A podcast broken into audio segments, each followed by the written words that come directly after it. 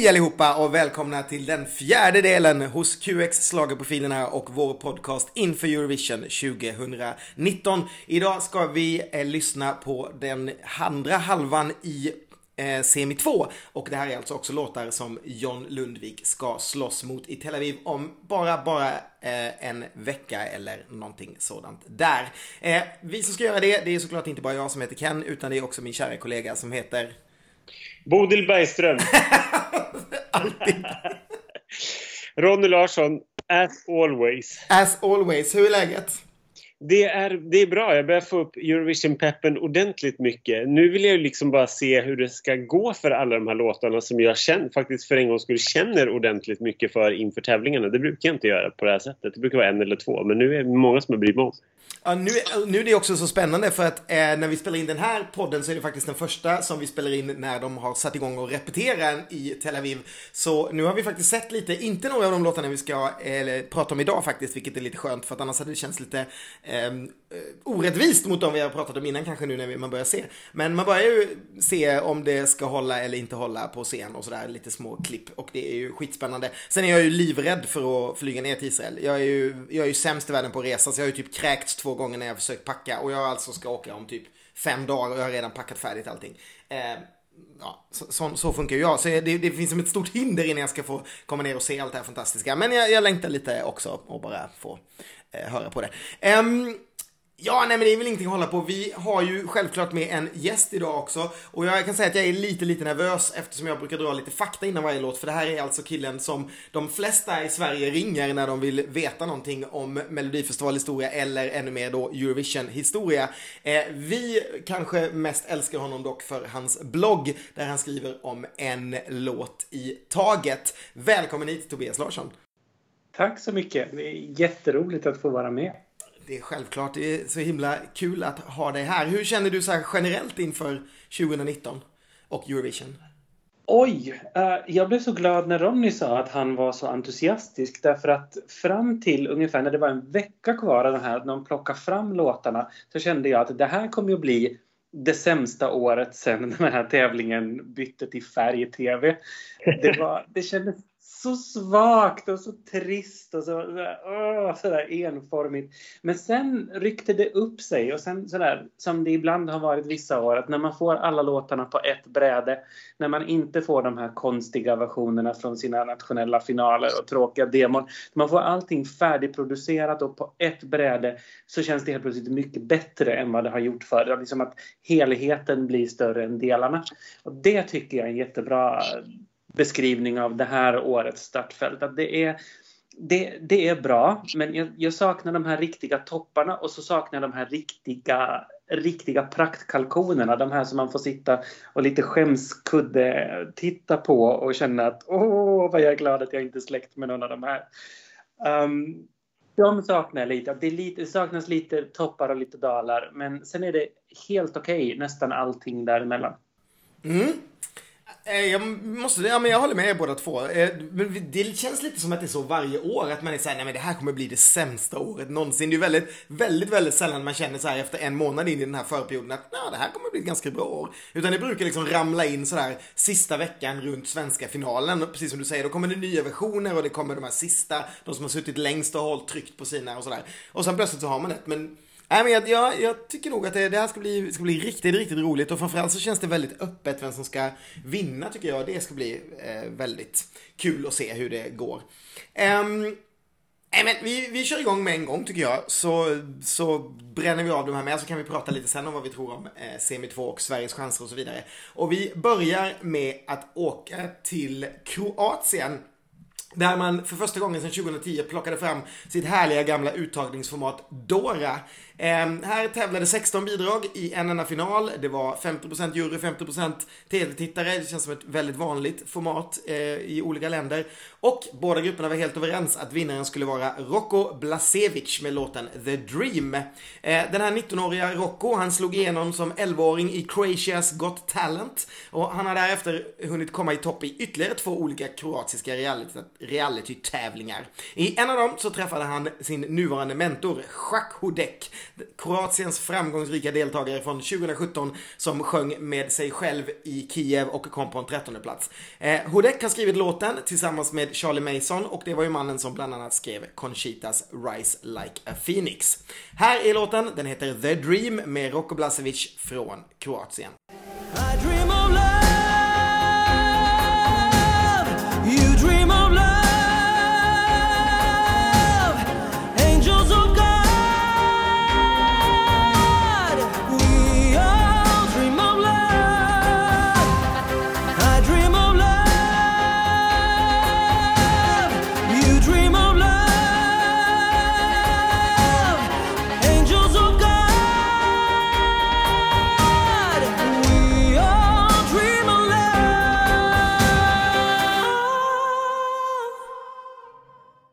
Eh, det roliga med den här, att när jag hörde den här ganska tidigt, för det var väl en av de låtarna som blev klar hyfsat tidigt i alla fall, så kände jag så här, men det här var ju bra.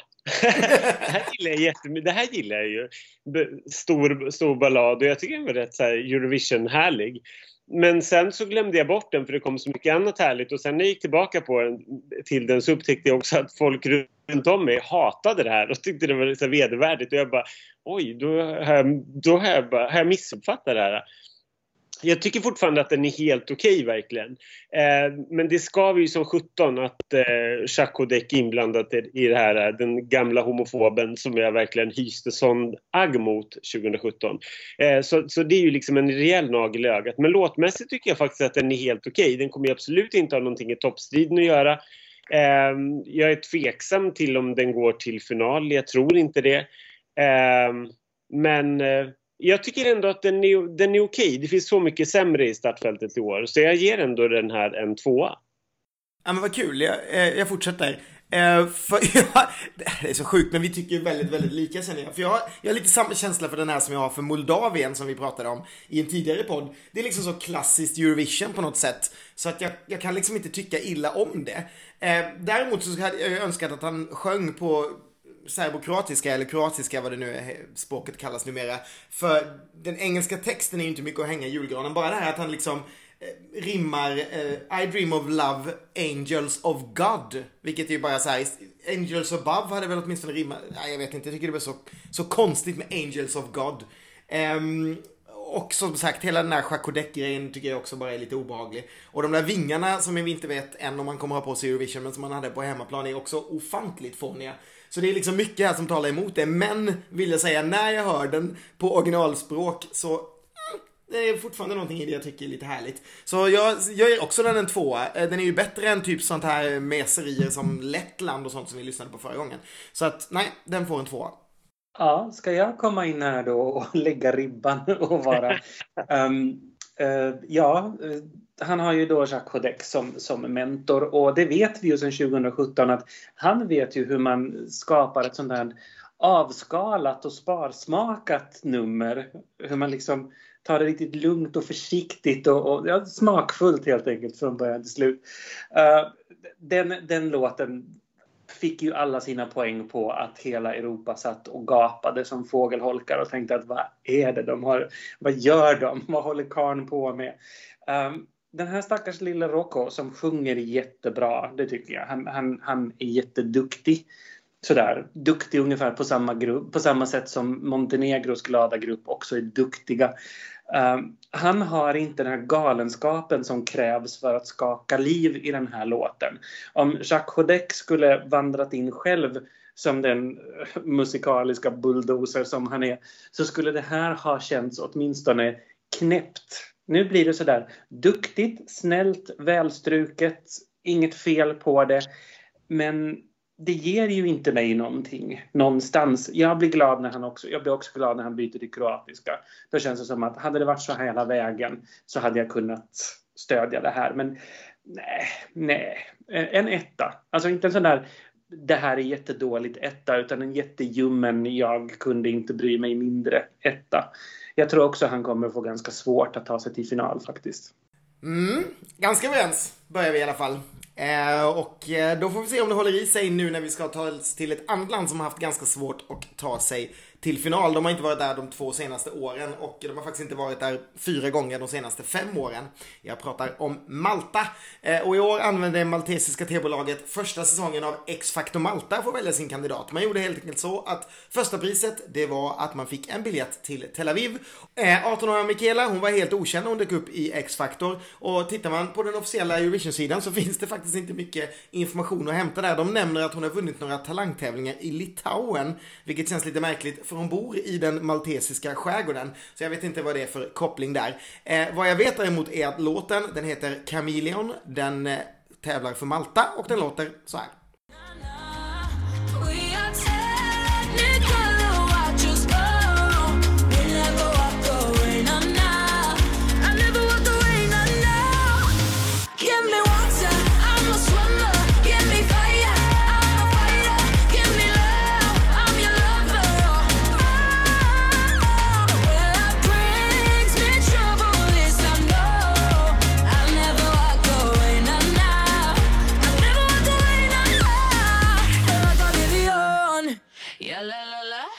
Eh, jag skulle ju jättegärna vilja att Malta skulle få till den där riktiga fullträffen och vinna det här. För med tanke på hur pyttelitet Malta är så har de ju faktiskt varit ganska dedikerade genom åren och de har haft väldigt många förvånansvärt bra låtar ändå.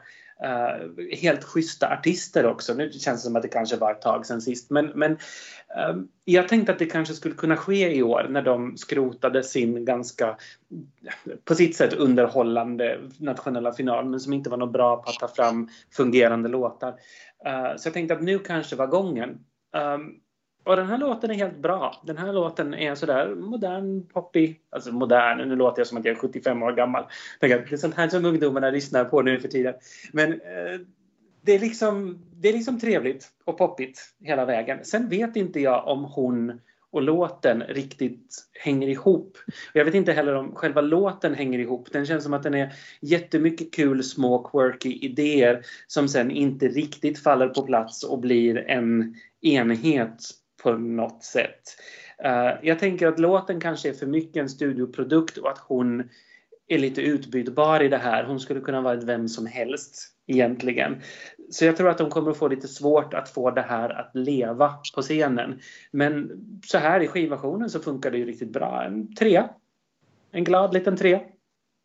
Det här är, om jag har förstått det rätt, så är den här låten skriven till eh, Polygenova och var en av dem de valde mellan förra året när Bulgarien skulle skicka eh, sitt bidrag. Men sen valde de då istället en låt som det ryktades att Loreen hade sjungit in, men sen med den här supergruppen istället. Så du har nog ganska rätt att eh, artisten är utbytbar för att eh, antagligen var det en sån låt de tyckte var så pass bra så att de ville testa den någon annanstans. Det är ju Joakim Persson som ligger bakom som ju eh, har legat bakom lite låtar för Bulgarien tidigare. Um, alltså jag tycker ju att det här är en av de bästa låtarna, inte här.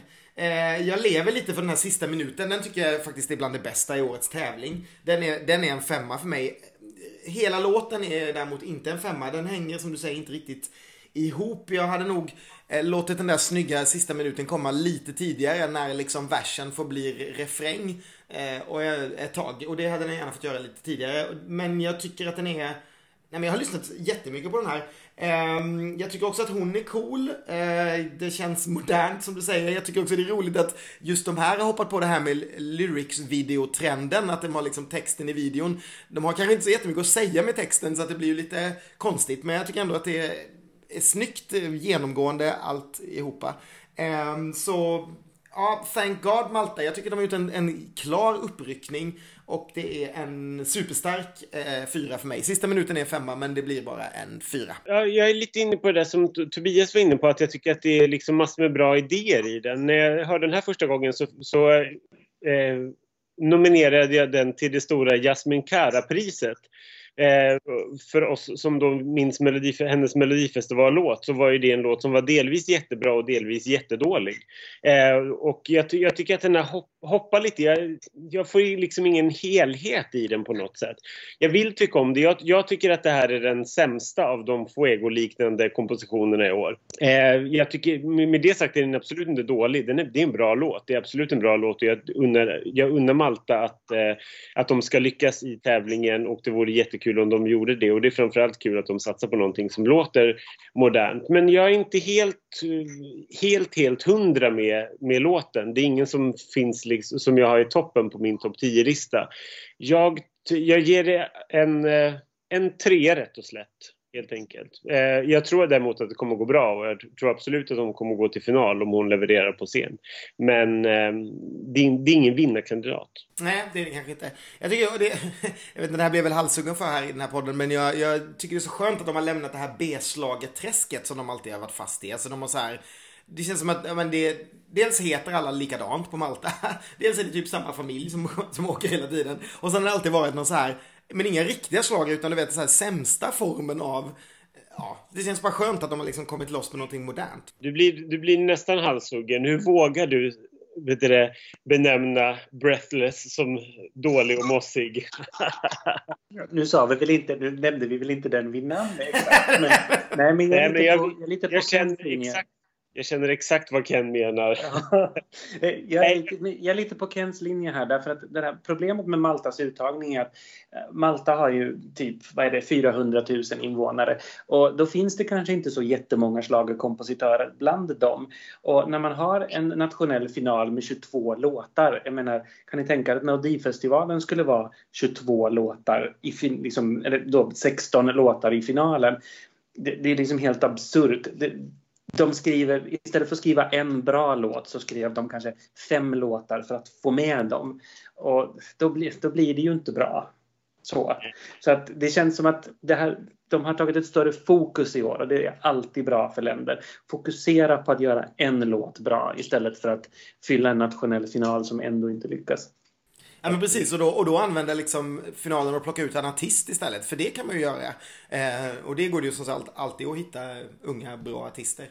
Och sen så skriver man en låt till dem. Sen så har vi då kommit fram till kanske att hon fick den här. Men, nej, jag tycker det blir en bra match. Som sagt, jag älskar den där sista minuten. Kan de bara få till det på scen med liksom dansen och henne och sådär så tror jag att det kan bli riktigt, riktigt härligt. Jag hoppas att det där blir årets utropstecken när vi ser repen eh, om någon vecka. Mm, men då ska vi lämna Malta och vi ska åka till Litauen. Eh, på tal om ett land som har väldigt många låtar i sin uttagning. De har ju dessutom typ världens längsta namn på sin uttagning och jag tänker inte ens försöka eh, nämna vad den heter. Eh, och i år hade man dessutom kortat ner den här eh, tävlingen med två veckor men den är ändå en vecka längre än Mello så det tycker jag är rätt häftigt. Men eh, man hade alltså 49 låtar från början som sen blev åtta i en final och där hade man 50-50 tv-tittare och jury och båda grupperna var helt säkra på vinnaren. Så inga konstigheter alls. Vinnaren hette Juri Veklenko och låten hette Running with Lions. Eh, den här 28-åriga Juri, eller Jurius som han kallar sig som artist, han föddes i Klaipeda i Litauen, vilket för övrigt är Karlskronas vänort, min gamla hemstad. Så det här var typ en av de få städer i öst jag kunde när jag var liten. Ja, i alla fall. Eh, han har ställt upp i den litauiska uttagningen flera gånger tidigare och han har faktiskt stått på en Eurovision-scen två gånger tidigare. Först som körsångare bakom Andrius i Malmö 2013 och sen var han en av killarna som pussades bakom det här paret i Wien. Eh, han slog igenom i hemlandet som de flesta gör i Europa nu för tiden genom att medverka i The Voice och i Talang. Men när han inte är artist så jobbar han på ett IT-bolag och det gör han fortfarande fast han nu är ganska känd. Han älskar nämligen och växlar det monotona arbetet som IT-person med musik och vice versa. Nåväl, nu ska vi få höra på Running with Lions med Juri från Litauen.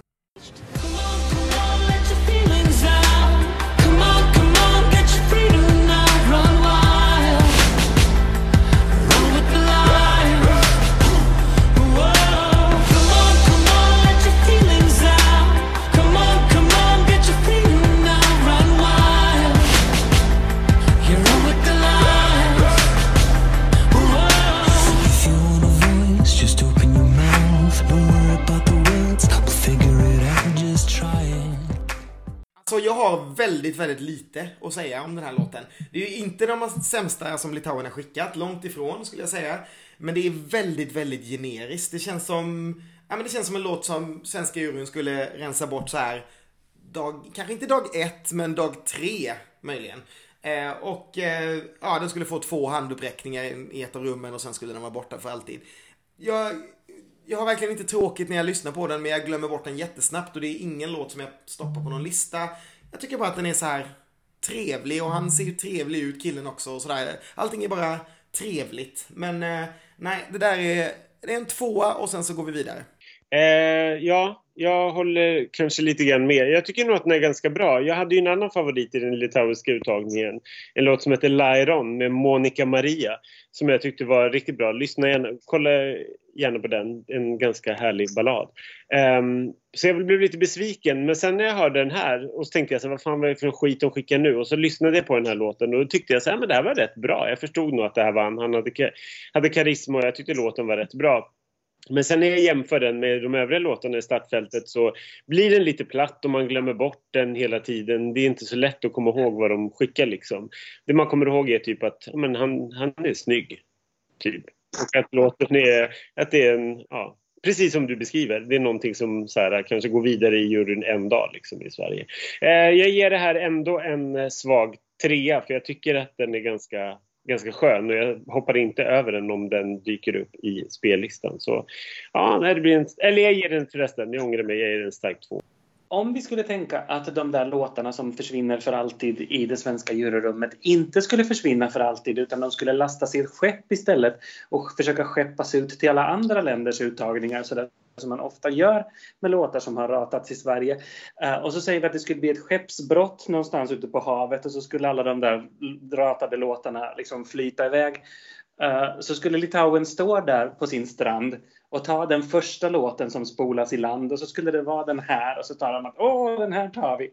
Så tycker jag att det känns. För den här låten har ingen koppling till Litauen vad jag kan se åtminstone. Den är en riktig skrivbordsprodukt. En så här ett gäng som har suttit tillsammans och tänkt att oj, vi måste skriva en låt tillsammans. Uh, den, den, är inte dålig, det är den inte, men den betyder ingenting för någon. Det känns inte som att den betyder någonting för Jurius heller. Det känns som att han, uh, han står där och ler lite grann, uh, gör sitt bästa, ganska tapper. Jag tror att hans jobb måste vara väldigt monotont om den här låten är tillräcklig för att liksom få livet att kännas mer spännande. jag tycker att det här är jätteplatt. Alltså inte jättedåligt, men jätteointressant. Han säger mig ingenting. Jag tyckte alltså när han var med bakom, bakom eh, de glada i Wien 2015 att han kändes ganska karismatisk och tänkte att undra hur han skulle funka som liveartist. Här får vi ju svaret att ja, nej, kanske inte helt sådär. Också glad och trevlig, men det är ju, det är ju så många som är det. Uh, en poäng får den av mig och jag tror att Litauen blir kvar i semin i år. Mm. Då ska vi flytta oss inte så långt från Litauen. Vi ska nämligen ta oss till Ryssland. Eh, och efter förra årets fiasko, det var ju första gången som Ryssland inte tog sig till final eh, fast de var med i tävlingen. Så bestämde de sig för att satsa stort igen. Och hur gör man det då bättre än att internt välja samma artist som man nästan gick och vann med för tre år sedan. Så efter två år med Julia Samoil Samoilova, hon blev ju diskad då för två år sedan, så tar man nu tillbaka Sergej. Så nu har man haft två olika artister på fyra år. Eh, den nu 36-årige Sergej Lazarev, han är fortfarande en stor stjärna på hemmaplan och det har inte gått direkt sämre för honom sedan han vann Europas publikröster i Eurovision i Stockholm.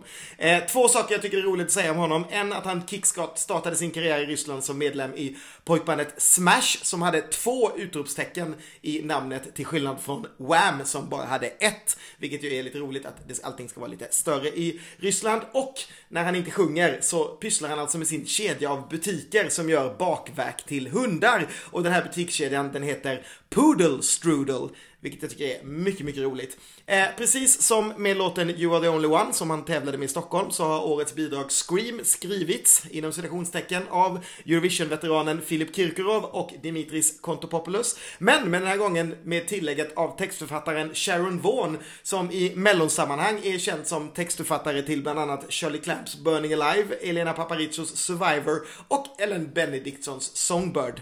Ja, här har vi Scream med Sergej Lazarev för Ryssland. But tears aren't quiet things, they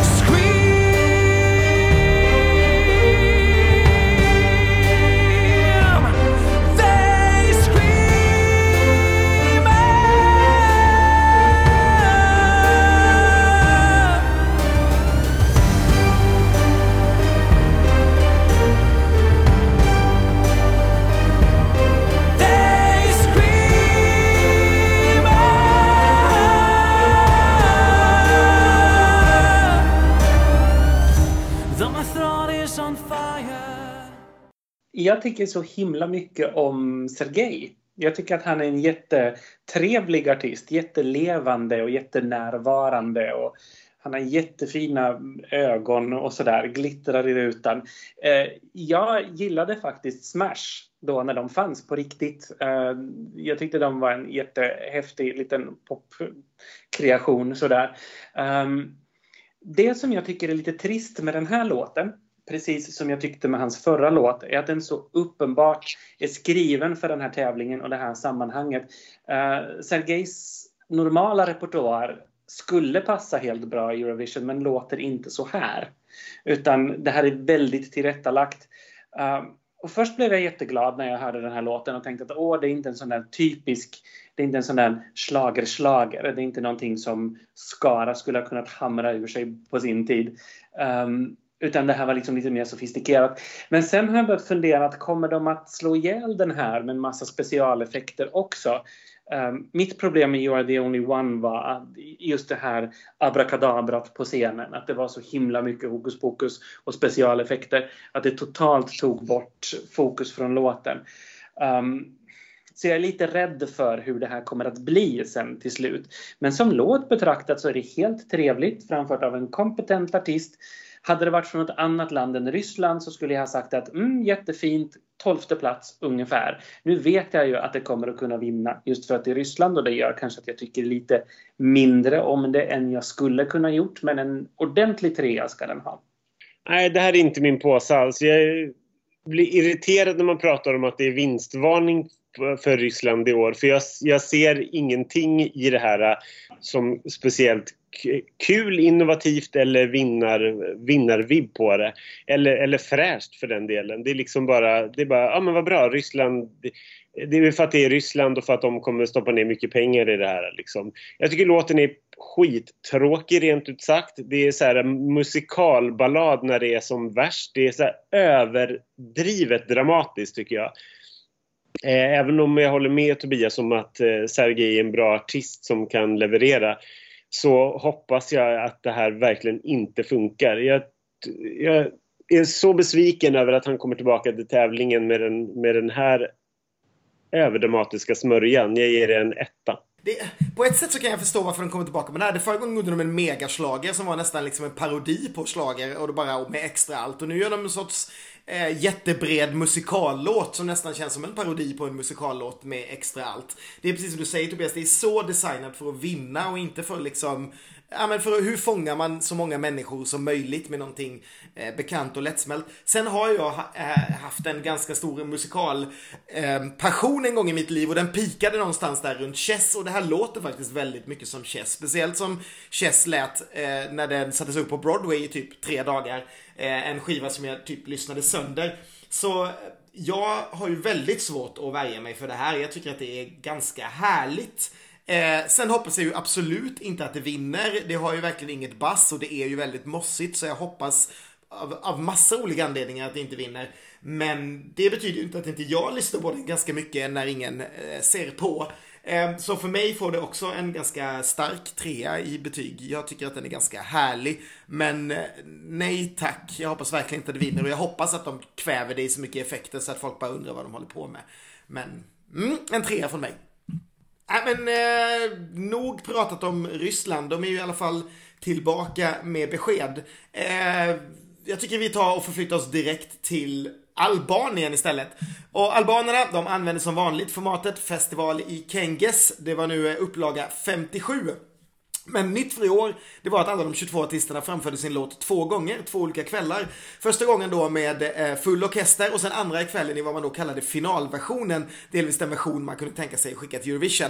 Eh, sen gjorde man ju ändå om låten som vann, vilket man alltid brukar göra. Men, men det var lite så man tänkte i alla fall. Vann gjorde den 35-åriga sångerskan och tv-personligheten Jonida Maliki. Hon har deltagit i Festival i Kengis fyra gånger tidigare och den första gången så var hon bara 13 år.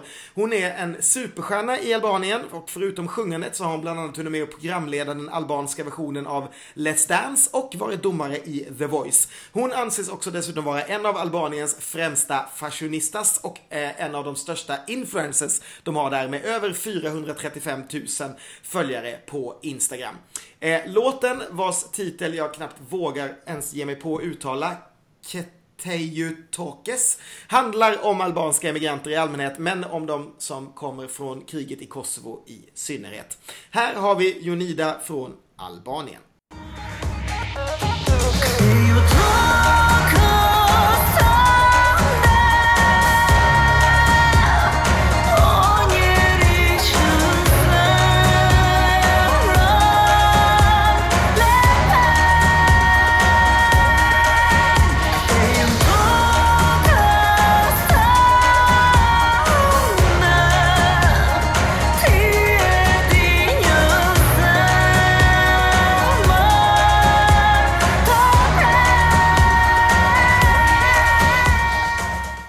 Den här hade jag inget direkt förhållande till innan jag begav mig till London och såg några av Eurovision-låtarna framföras på den här eh, London Eurovision Party.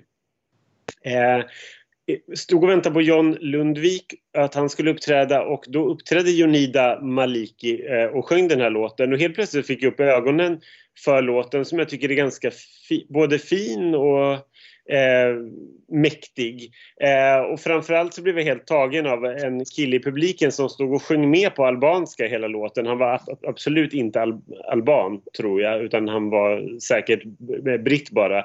För det var väldigt inlevelsefullt och härligt och ganska fullt. Men det, det bara fick mig att, bara, fan, det, det, att det fanns en så passion och nerv i den här låten som jag inte hade upptäckt tidigare. Eh, så jag började lyssna på den här och det är faktiskt en så favorit som bubblar utanför topp 10-snåret för mig. Jag var nog all, lite anti när jag hörde den första gången och bara, men det, oh, Albanien, de skickar ju aldrig någonting bra nu för tiden. Kom tillbaka Casey Tolla typ. Um, så jag blev jätte, jag, ja, men jag gillar det här. Jag ger en stabil tre. Mm. Vad roligt att du säger det där med Casey Tolla, för grejen är att de har ju en annan eh, musiktävling i Albanien med mycket yngre musikuttryck om man säger så, som faktiskt Casey Tolla var med. Hon hade en grym låt där, så den tycker jag ni ska eh, googla fram. Eh, den här tävlingen heter eh, Kenga Magike Eh, och den, den låter jättebra. Och där, hennes pojkvän, eller i alla fall före detta pojkvän, eh, hette Flori och han gick och vann den tävlingen med en låt som heter Plus som jag också har lyssnat jättemycket på och som faktiskt har legat på QX speldosa för er som eh, följer den. Så att eh, det finns en jätte, jättebra eh, annan festival i Albanien som de kanske skulle använda om det, de vill att det ska gå lite bättre för dem. Men med allt detta eh, gnället sagt så är faktiskt det här också en av mina eh, så här, favoriter utanför topp 10 år. Eh, av alla de här låtarna i den här klassiska Eurovision-kategorin Gapande kvinnor så är detta absolut min eh, favorit. Den är liksom lagom med originalitet och mycket drama för det ska gå igenom så här bruset och det är snyggt producerat tycker jag också. Jättehärligt. Um, ja, nej, inte så mycket mer att säga. Den får en väldigt, väldigt stark trea från mig också. Jag tror absolut det kommer gå bra för Albanien och jag tror de kommer vara i final i år och kanske faktiskt till och med en bit eh, upp och på vänstra sidan av resultatlistan. Så en trea till mig, från mig. Mm, jag gillar också det här, det här introt är jättesuggestivt med de här trummorna.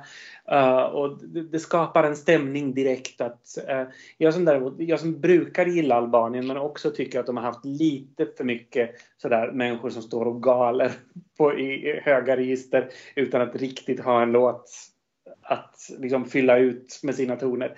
Uh, så jag tycker att det här är jättebra. Jag tycker att den här uh, refrängen är jättesnygg och stämningen är jättebra. Sen tycker jag att det sackar lite i, i versen. Jag tycker att den här versen blir lite för lång innan de hinner fram till, innan de kommer fram till godiset.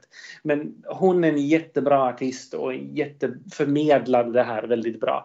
Och sen är jag så tacksam att de sjunger på albanska. Jag får med mig så mycket mer av det här när hon sjunger på ett språk som hon själv behärskar och som hon känner någonting på istället för alla de här som sjunger på någon slags halvdan, nästan engelska. Eh, hon har ju en text som betyder någonting för henne och då är det så bra att hon får sjunga den på ett språk som hon, som hon behärskar.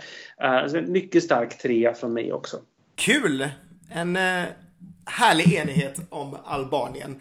Ehm, ja, då ska vi lämna Albanien och åka till ett av våra kära grannländer. För i Norge så körde man i år sin vanliga Melodi Grand Prix för 57 gången. Och man använde samma upplägg som förra året. Man hade 10 låtar i en final. Men den här finalen innehåller då både en silverfinal och en guldfinal. Man hade också kvar det här med utländska jurygrupper som inte har någon makt överhuvudtaget utan de får helt enkelt bara välja sin favorit. Eh, och det kanske var tur för man kan säga att den låten som gick och vann den hade inte många juryländer bakom sig. Nämligen bara ett enda. Det var Israel som tyckte att den här låten skulle vinna. Folk Folket däremot, de var helt säkra. Med 57% av rösterna i silverfinalen och 59% i guldfinalen så rodde gruppen Kano hem tävlingen med låten Spirit in the Sky. Keino, det är inte ett lottospel på Gotland utan det är en norsk supertrio som satte samman för eh, MGP. Den består av 39-åriga Tom-Hugo Hermansen, 31 årige Fred Bujo och 22-årige Alexandra Rotan. Tom-Hugo, han är sångare och låtskrivare och eh, hela den här gruppen började med att han skrev den här låten tillsammans med sin man Alex Olsson. Eh, sen tog de med den samiske jojkaren och rapparen Fred Buljo och eh, då tog de också namnet Keino efter dennes hemby Kautokeino. Sist in så kom Allan Walkers körsångerska, idoldeltagaren Alexandra Rotan och hon kom ju förra året trea i MGP i en duett tillsammans med Norges Eurovision-representant 2011, Stella Mwangi. Ja, det var tillräckligt med fakta tycker jag. Nu ska vi lyssna på Spirit in the Sky med gruppen Keino för Norge. I hear you calling me at night.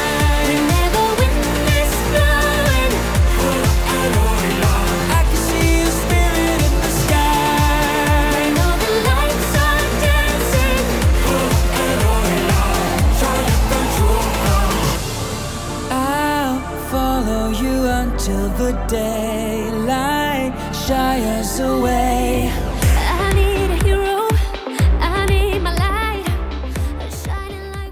Här är ju årets största fanbank då. Det är liksom lite så här som att en del barn kan bara älskas av sina mammor och eh, vissa låtar kan bara älskas av en Eurovision-publik. Och här har vi ju en sån den är ju väldigt, väldigt härlig. Jag tror ju dock att jag konsumerade den här låten lite för hårt under Melodifestivalen med min kära eh, vapendragare. För jag orkar knappt lyssna på den längre nu, så mycket lyssnade vi på den då. Men jag tror väl att jag får igång det där suget igen så fort jag kommer ner till Tel Aviv och får uppleva den på eh, ett dansgolv på Euroclub, antar jag. Eh, sen är det någonting med de där öronen i videon som jag inte vill som gör, som gör det lite obehagligt på något sätt. Eh, men, men som sagt, det är svårt att inte tycka om den. Eh, även om jag säger nog att jag föredrar Jon Henriks sätt att jojka på före den här gubben. Det här blir väldigt mycket eh, eh den här gamla norska låten från 1980 för mig när jag upptäckte jojk för första gången. Men det är trevligt att Norge tar tillbaka det igen. Jag ger det en svag dock fyra. Men som sagt, jag kanske får upp den där styrkan när vi kommer till Israel. Mm. Här har de ju verkligen tagit, eh, de har verkligen tömt hela skåpet och kastat ihop allting de kunde hitta, hela skafferiet. Åker ner i bunkern och så rör vi om för vi tänker att allting passar ihop. Eh, det är slager och det är etno och det är jojk och det är hittan och dittan. Plus som Finlands röst i världen måste jag ju säga att det här är ju våran gamla refräng. Sara Alto tävlade ju med den här refrängen förra året. Det gick ju inte strålande då. och Jag tror inte att det kommer att gå strålande nu heller. Jag är helt på din linje Ken, det här är den typen av låt som alla revisionsfans älskar. Jag tycker att det finns en poäng med att ha internationella jurygrupper i en nationell final. För de ser det som hemmapubliken blir blind för. Jag tror att Norge skulle ha lyssnat på den internationella publiken den här gången. Det här är en låt som funkar jättebra på hemmaplan. Men jag tror inte att den stora internationella publiken kommer att hitta eller de kommer hitta andra, de kommer säkert ha jättetrevligt tillsammans med det här gänget. Men de är lite för orutinerade, lite för glada. Jag tycker inte att de förmedlar den här stämningen som ändå finns i låten. Men det känns lite som en demo, som att den aldrig riktigt blev färdig. tiden tog slut och de hann inte skriva klart den. Eh, jag tycker om den, men jag är ju den här målgruppen. Så jag tror att den här får svårt. Jag skulle inte, jag skulle inte, jag skulle bli lika förvånad om den går till final som om den inte går till final. Så, så kan jag uttrycka det. Den är som designad för att landa på elfte plats eller tolfte plats i semifinalen. Jag tror att det blir svårt, men en trea får den av mig. För jag tycker att den är klä, klämmig. Var ska jag börja?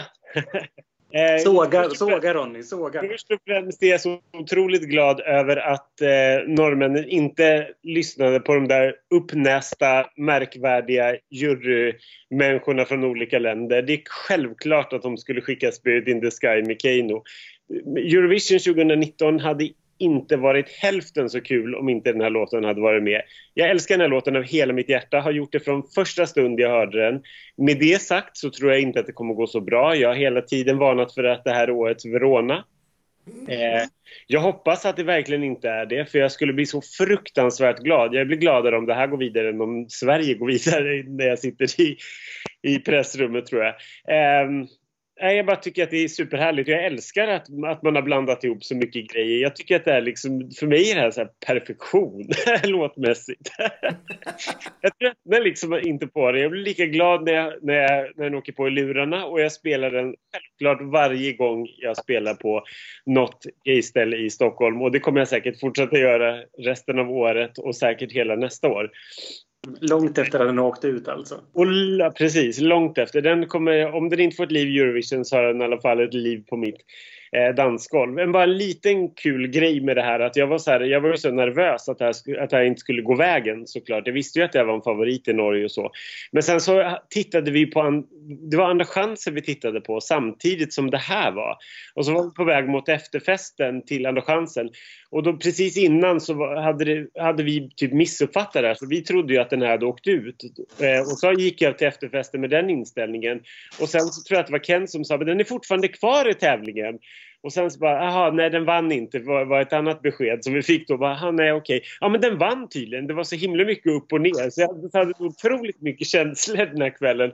Och så blev jag så glad över att det gick som att det gick. Eh, det här är inte någon överraskning för någon att det här är årets enda och stora femma för mig. Nej, den, den var, var, lite väntad. Jag kan också till, till en glädje kanske säga att jag hade en stor eh, omröstning på mitt jobb eh, härom eh, sistens. Och det var nästan 50 personer som delades upp i lag och röstade och de kom från ungefär så här 20 till 25 olika länder. Och då kom den här tvåa. Eh, efter Sverige för övrigt. Men det, det kan man alltid bortse lite från tycker jag när man röstar i Sverige. Men den här var en, en jättestor favorit hos alla de här människorna. Så du är inte, du är inte ensam och det där var ju inte en enda Eurovision-fan i den publiken. Så att eh, den, den, den går bättre än vad jag hade förväntat skulle jag säga. Mm. Jag, lovar, jag lovar ju att vara jätteglad för dig Ronny och för alla andra. Jag tycker ju också att finalen skulle må bra av det här. För det är också samtidigt lite sådär knäppt. Alltså det här startfältet är ju bra men lite sterilt. Det är inte så många knäppskallar med i det de här är väl inte knäppskallar heller, men det finns en galenskap i den här låten som den här finalen skulle må bra av. Så jag hoppas att du har rätt och jag har fel. Jag, jag är bara så otroligt glad över att det kommer låtar som man faktiskt kan, som man kan dansa till ute. Alltså Eurovision-låtar som, som, man, som man kan spela. Nu är det klart att vanliga ställen inte spelar så mycket Eurovision-låtar. Men typ i alla fall för mig som, som DJ då och då så är jag glad att det finns ganska mycket låtar i år som man kan spela. Och det har varit några år med väldigt mycket tråk. Där det inte har varit så mycket kul. Och har det varit något dans dansbart så har, det varit dåligt så då har man inte velat spela av den anledningen. Så jag tycker att det är rätt kul ändå att det är lite, det behöv, precis som du säger, det behövs lite fest och lite saker som sticker ut och lite knas. Och jag tycker att de här öronen, de pratar vi inte om. Jag hoppas verkligen att de se nu. Håröronen. Håröronen. Nej, de pratar vi inte om. Vi lämnar Norge och så flyger vi ner till Nederländerna. Och där så valde tv-bolaget sin låt internt precis som vanligt. Redan i januari så meddelade man att man hade valt 25-åriga Duncan Lawrence som årets representant och i mars så avslöjade man att låten han skulle framföra hette Arcade skriven av bland annat honom själv. Eh, Duncan Lawrence han föddes som Duncan DeMore och han slog igenom i femte säsongen av The Voice Holland 2014. Han vann inte, det gjorde O'Gene som ju faktiskt var med och tävlade i Eurovision eh, för några år sedan för just Holland. Eh, men han var coachad av ingen mindre än det årets Eurovision-succé Ilse de Lange och det har nog hjälpt honom lite i, fram efter det. Eh, han har inte gjort så mycket väsen av sig som artist på hemmaplan men nu så får han helt plötsligt se sig själv som stor oddsfavorit att vinna Europas största musiktävling. För i år så är det Holland som leder oddsligan med låten Arcade och Duncan Lawrence.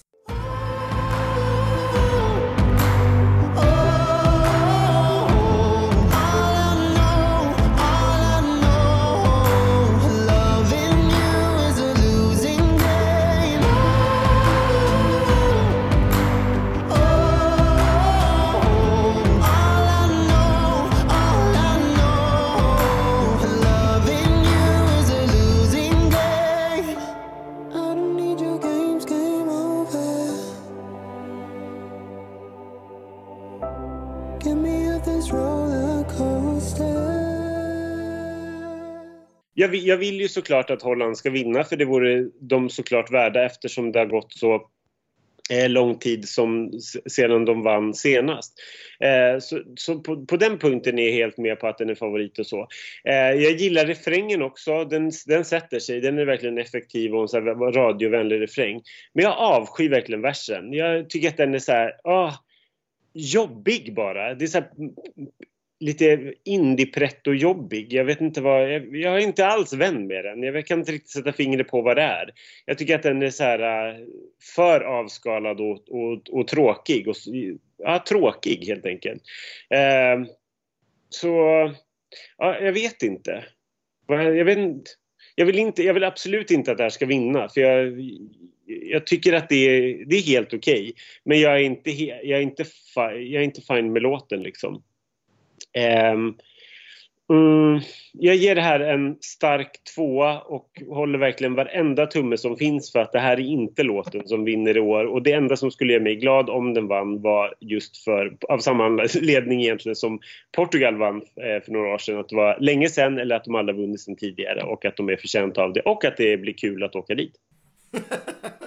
ja, jag, jag, är så chockad bara över att den här låten är, är odds-etta. Jag, jag, liksom inte, jag förstår inte riktigt var det kommer ifrån. Inte för att jag inte tycker att den är bra, det kan jag säga med en gång. Det här är en av mina kanske fem, sex absoluta favoriter i år. Det är en låt jag lyssnade jättemycket på. Jag kommer snart dela ut ett väldigt högt betyg. Jag, jag älskar den liksom. Men, men just att en sån här blandning av så här Coldplay och Måns Zelmerlöws nuvarande skivor att, att den liksom har gått igenom och plötsligt leder oddsen det här året. Det tycker jag är jättekonstigt. Det finns så liksom uppenbara vinnarkandidater som man tänker att oddsfolk borde gå igång på. Dels Ryssland då som ligger tvåa, men Italien och Schweiz och så finns det ju låtar i nästan samma genre som Grekland och sådär som också är liksom, ja men som känns som om, om man skulle gissa så här nu innan man har sett något, vilket alla oddsen förmodligen är, så känns det som att det är där det borde ligga. Antagligen är det bara för att Holland har legat och puttrat här i nu, några år eh, och, och, att det kommer därifrån. Men eh, jag, vet, jag, jag har bara så svårt att förstå var det kommer ifrån. Men,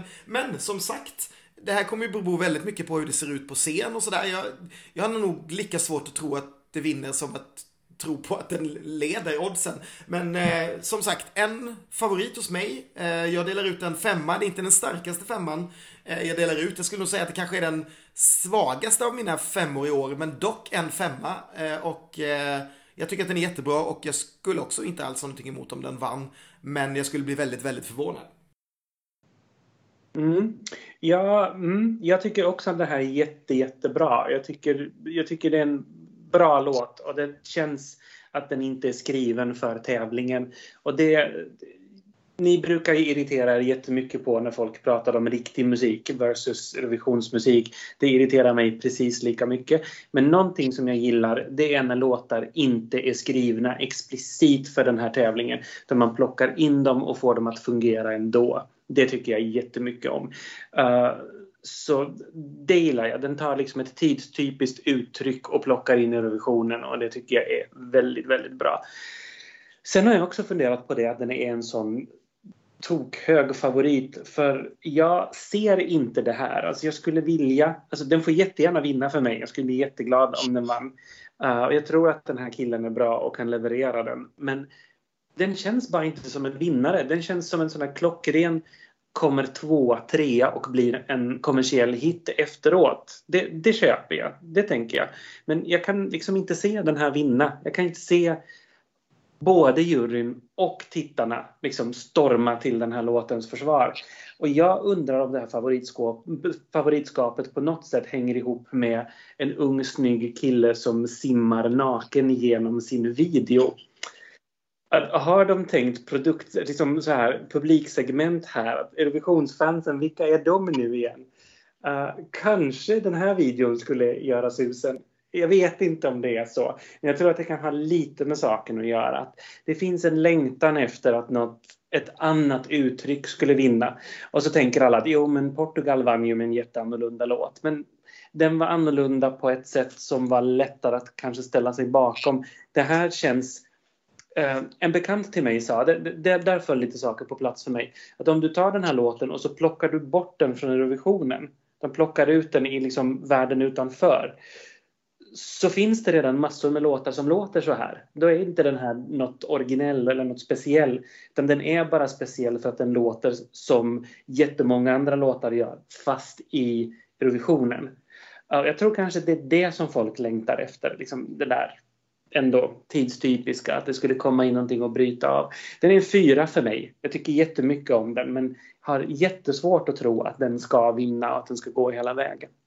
Jag, han var en av artisterna som var i London och uppträdde och eh, jag fick inte heller den, jag fick inte den vibben. Jag håller med om det som ni säger att, det liksom, att jag, jag fattar inte heller det här. Det blir lite kejsarens nya kläder. Att det är liksom så här, alla pekar på henne och säger att det är en vinnare och då är det en vinnare helt plötsligt. Men när han uppträdde i London så så fick jag liksom ingen så här feeling för att så folk verkligen trodde på det här och älskade det.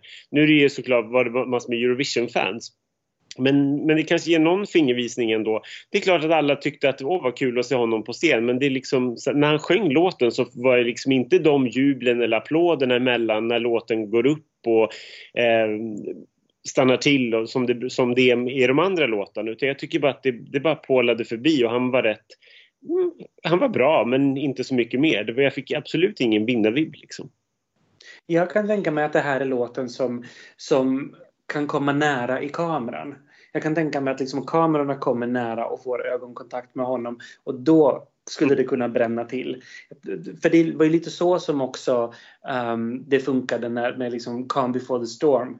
Uh, eller Calm after the storm. 2014. Att den trodde inte folk så jättemycket på men sen tänder det till där i sändning.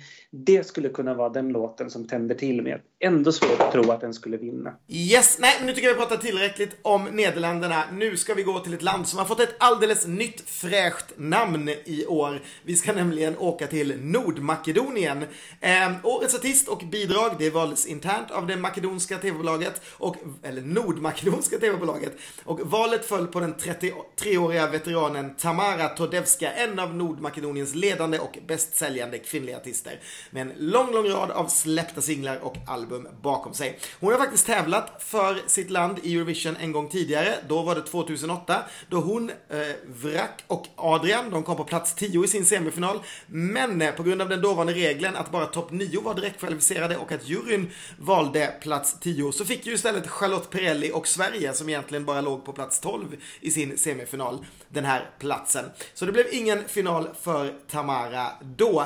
Eh, låtskrivaren Darko Dimitrov, han låg bakom IQs flopp i förra årets Eurovision och numret i Eurovision kommer göras av svenska Marie Ryberger och Tine Matulessi som bland annat låg bakom Jan Malmsjös nummer i årets Melodifestival. Så, starka namn bakom Tamara när vi ska lyssna på Proud från Nordmakedonien. Tell them, raise your voice and say it loudly, show what it means to stand up proudly.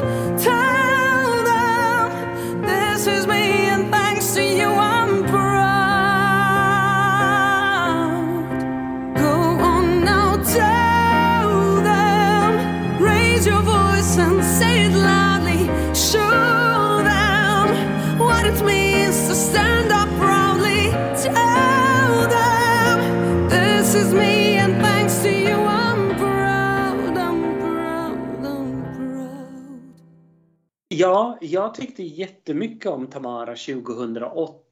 Jag hade med henne som en sån här eventuell eh, liten skrällvarning. Sen så brakade det ihop totalt på scenen och blev ett floppframträdande och det var inte så konstigt att de inte gick till final.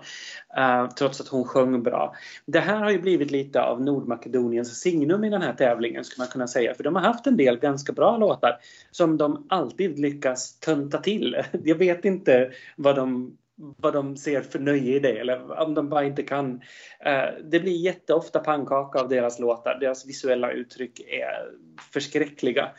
Så här kommer de med en jätteavskalad låt som i sig är ganska bra. När man lyssnar på den här i lurar och bara fokuserar på den så är det en bra låt och den är snyggt producerad, snyggt arrangerad och hon sjunger helt bra.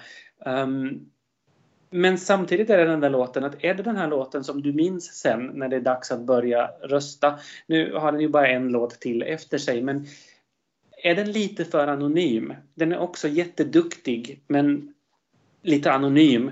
Jag skulle så gärna vilja att Nordmakedonien fick gå till final för det bör vara ganska länge sedan sist och någon gång måste ju deras tv-tittare tröttna också på att titta år efter år efter år utan att det ger någonting. Um, så det är mera sådär taktiskt att jag skulle önska att de gick till final därför. Jag tror kanske inte att de gör det men det är helt trevligt är det. En, en mycket stark två. Mm, ja, de har väldigt, väldigt svårt. De har inte varit i final sedan 2012. Och innan dess så hade de inte varit i final på tre år. Så att eh, det är verkligen inte en kul tioårsperiod de har bakom sig. Um, ja, ja, jag tror inte jag håller med det här. Nog för att så här, budskapet är viktigt, men det, för mig blir det lite så här metoo-soppa av det hela. Jag har liksom inte... Eh, nej, jag, jag, jag, tycker nog att det är det här avsnittets sömnigaste låt. Eh, jag hoppar alltid över den när den kommer i mina lurar. Eh, jag har försökt lyssna på den ska jag säga, men jag tycker bara att den är så tråkig. Eh, jag tycker att eh, Nordmakedonien brukar skicka roligare låtar eh, än så här och inte klara sig. Så jag tror inte att de kanske klarar sig här heller, tyvärr. Ehm, för mig blir det bara en... Nej, det blir bara en etta. Jag är ledsen. Det blir bara en etta till Nordmakedonien. Ja, nej, det här är inte min, min påse heller. Jag håller med dig helt om att det här är den här delens absolut tri tristaste låt. Det är så här duktigt bara det är väldigt duktigt. Jag hade den sjungits i Svenska Melodifestivalen hade den sjungits av Molly Hammar. jag eh, hoppas verkligen inte att det här funkar. Ja, det skulle kunna göra det tror jag. Om att den ligger sent i semin och är ett snyggt nummer så kan det nog segla vidare. Men jag, eh, jag hoppas verkligen inte att det här blir någonting. Eh, det blir också en etta, om en, en eh, i alla fall stark detta för det är ju inte så dåligt, det är bara väldigt tråkigt. Schlagerprofilernas Linda Pritchard-stipendium går i år till Tamara från Nordmakedonien. Ja, Eh, då har vi bara en endaste låt kvar och då ska vi åka till Azerbajdzjan. Och precis som vanligt så valde Azerbajdzjan sin artist och låt internt. Deltagaren blev den 28-åriga Chingis. Han föddes i Moskva men flyttade därefter till Azerbajdzjan till en liten, liten stad med bara 20 000 personer när han var 6 år gammal. Han lärde sig spela gitarr, började komponera egna låtar och med 13 års ålder flyttade han med sin mamma till Baku och deltog deltog i den aseriska varianten av Top Idol. Och han gick och vann den. Så han, denna vinsten gjorde honom till ett känt namn i den aseriska musikindustrin och 2013 så har han redan representerat sitt land i en musiktävling i Lettland. Tre år senare så försökte han igen. Då deltog han i den ukrainska varianten av The Voice, men där blev han utslagen nästan direkt. På den officiella hemsidan så kan vi lära oss lite om Chingis. Han älskar att hänga med sin hund, han älskar kung fu och han njuter av frisk luft när han vandrar eller gör sin meditation utomhus. Här har vi låten Truth med Chingis för Azerbajdzjan.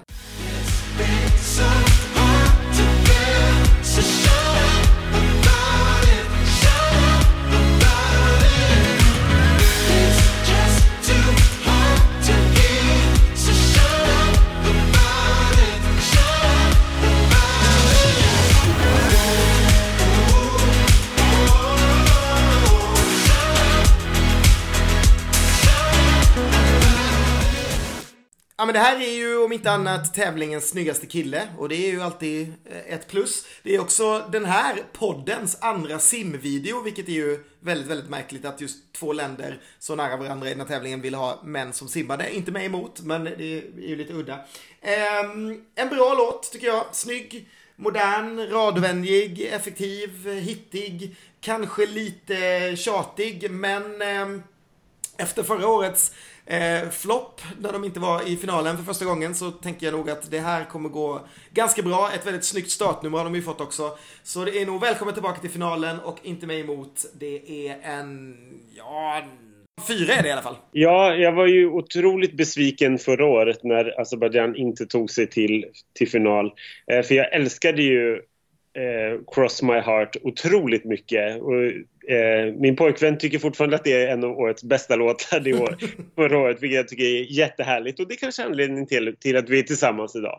Eh, jag gillar den här låten riktigt mycket. Den har klättrat för mig de senaste veckorna, framförallt när vi hade en stor kompisomröstning förra helgen eh, och lyssnade igenom den och den vann den här semi eh, finalen. Eh, och då kände jag så här, men aha, okej, okay, ja men absolut. Sen, sen kan man ju inte annat än älska en snubbe som tycker om att ta av sig tröjan och dansa till sin låt och dessutom lägga ut i sociala medier. Det tycker vi ju verkligen om och speciellt inte när man kanske är Ja, men, han, är, han är ju skitsnygg men han, och, och lagom, lagom tränad skulle jag säga. Det, det är ett stort plus. Eh, jag tycker låten är skön. Jag hoppas att de stagear den ordentligt eh, bra. Eh, det jag är lite nervös för är väl att, det är, det är svårt att säga för det har ni kanske redan läst eller hört, men han, eh, det går ju rykten om att han inte sjunger så bra. Han ska klara av att sjunga den här låten med nöd och näppe men han är inte så bra på att sjunga andra låtar. Eh, vi får väl se hur det är med den saken, men jag hoppas att det går bra och jag tror att det kommer gå bra om han kan leverera den här låten. Eh, för mig blir det en, en stark trea. Mm, när jag hörde den här första gången så tyckte jag att den var superanonym. Alltså inte bara sådär anonym utan superduper jätteanonym också sådär att jaha, nu har de gått med plånboken igen och köpt någonting som vem som helst skulle kunna gjort. Men sen när jag lyssnar igen, eller framförallt, nu ska jag framstå som världens ytligaste här, men framförallt när jag tittade på den. Jag tycker att det är han som bär den här låten. Jag tycker att han är jättesnygg för all del, men charmig. Jag tycker att han har personlighet som som få andra matcher, framförallt i det här startfältet. Um, han, han känns jättehärlig. Han känns som en stjärna. Um, oavsett han kan sjunga eller inte. Det är inte så viktigt. Dana International sjunger inte så himla bra hon heller. Um, jag, jag, tycker att, jag tycker att det här är lite härligt. Det funkar, det funkar tack vare honom.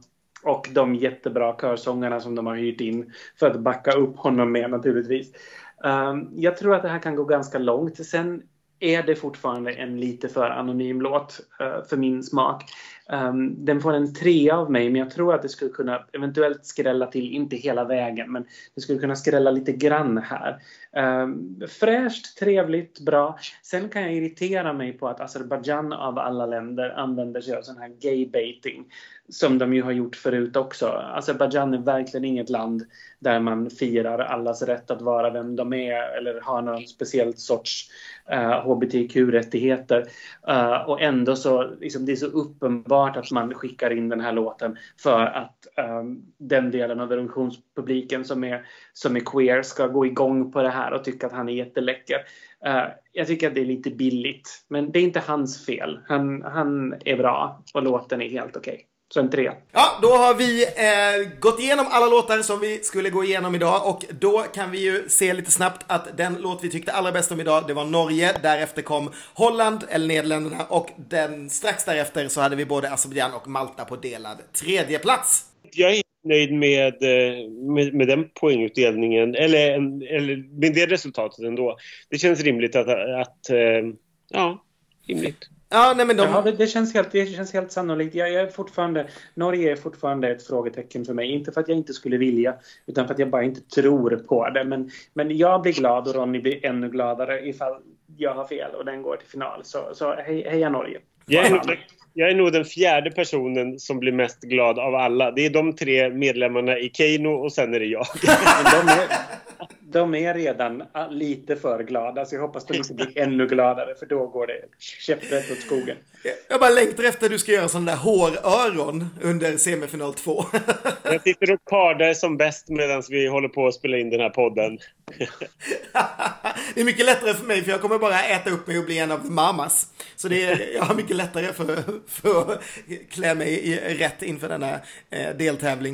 Um, det, är, det är mycket här som jag tror kommer till final alltså. Malta, Ryssland, Albanien, Holland, Azerbajdzjan eh, och så möjligtvis Norge. Det, det, det, blir väldigt lite platser kvar då till, till Sverige och gänget i första halvan. Mm, men det är, kanske så, det är kanske så det ska Det är klart att de låtarna man har top of mind känns mest sådär. Jag försöker just desperat leta efter den där låten som, nej men det är klart att det är låtar i första halvan som naturligtvis går vidare.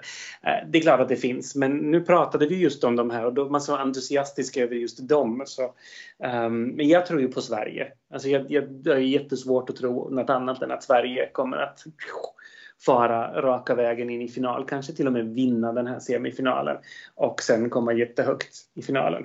Det tror jag. Det var underbart. Det, det, finns ju väldigt mycket vinnarkandidater i den här semifinalen. Både Schweiz och Ryssland då, vad vi än tycker om den. Eh, Sverige såklart och så Holland. Så det är ju, det är ju, det är, det är ju tajt men å andra sidan så är det ganska svagt eh, i botten också. Det, fin, det, finns några riktigt starka låtar här, men nog fasen ska vi lyckas eh, ta oss vidare bland de tio, det tror nog jag också. Menar ni, att, men, menar ni att ni, alltså förlåt, nu måste, nu måste jag på riktigt fråga. Tvivlar ni på att Sverige skulle ha... Jag kan inte för mitt liv tänka mig något annat än att Sverige är sämre än femma i finalen.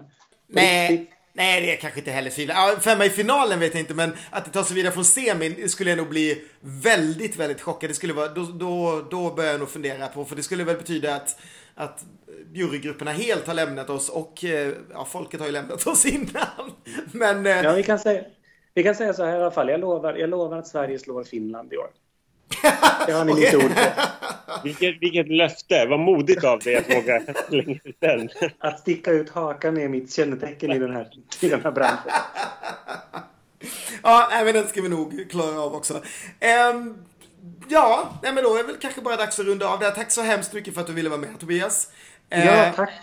Alltid lika roligt att ha dig här och eh, vi kommer tillbaka. Förhoppningsvis hinner vi göra en podd till innan vi försvinner iväg till Tel Aviv. Det börjar bli på håret men eh, vi hoppas att vi kan trycka in en för vi måste ju prata om de där sex direkt kvalificerade låtarna också. När det blir, med vem det blir, det har vi absolut ingen aning om just nu. Men förhoppningsvis så kommer ni märka det. Ha det gott, hej då!